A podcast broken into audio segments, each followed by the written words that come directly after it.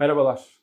Bugün önce Japonya ve Singapur tarafındaki son düzenlemelere değineceğiz. Sonrasında da NFT tarafında neler oluyor bir küçük değerlendireceğiz. Şimdi Japonya'da Ulusal Vergi Ajansı kurumlar vergisi konusunda kripto para birimlerine yönelik bir düzenlemeye güncelledi.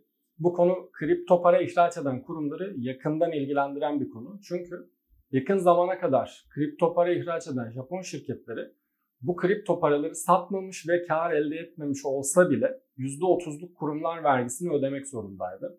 Tahmin edersiniz ki bu kural kripto şirketlerine getirdiği yük sebebiyle pek çok kurumun yurt dışına taşmasına, e, yurt dışına gitmesine ve blok zincir inovasyonunun Japonya'nın dışına çıkmasını yol açtı.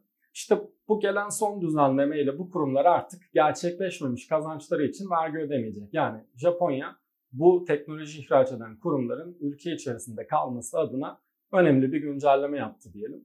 Singapur tarafında ise Merkez Bankası kripto platformlarına yönelik bir düzenleme getiriyor. Müşteri fonlarını güvende tutmak için bir dizi düzenleme olacak bu. Böyle bir parantez açmak gerekirse işte mutabakatların günlük tutulması, saklama hizmetlerinin bağımsız yürütülmesi gibi detaylar var. Ki zaten olumlu ve olması gereken gelişmeler. Ama bunların dışında bir konu daha var. O da kripto platformlarının bireysel müşterileri için staking veya borç verme hizmeti sunmasını kısıtlamaları. Tabii kişi kendi fonlarını kendi stake edip borç verebilir ama bunu kişi yerine platformun yapmasını kısıtlıyorlar. Bu da yine müşteri fonlarının güvenliği ile ilgili atılmış bir adım.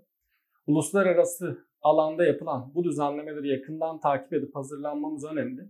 Bu iki haberdeki düzenlemede ders çıkarılmış konulara dair yapılan düzenlemeler. Sizle de paylaşmak istedim. Bir de en başta dediğimiz gibi son olarak NFT tarafında neler oluyor? Bir küçük de o tarafta güncelleme yapalım. Çünkü geçen hafta Ethereum blok zincirindeki NFT işlem hacmi Şubat ayından bu yana en büyük sıçramayı yaşadı. Hacim bir önceki haftaya göre %63 arttı.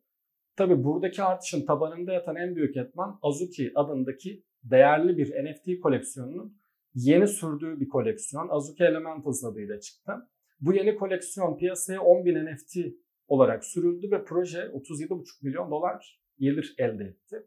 E, bu da artışın temelini oluşturdu. Yani artış NFT piyasasında bir canlanma işareti verecek sinyal sayılmaz diyebiliriz. Ama daha da önemlisi yakın zamanda The Block tarafından bir rapor yayınlanacak.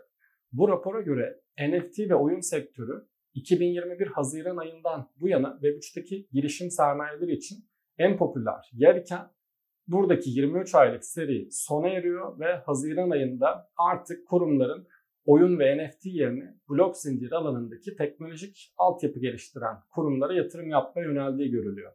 Yani biraz daha temel şirketlere yönelim söz konusu bu risk sermayeleri tarafında.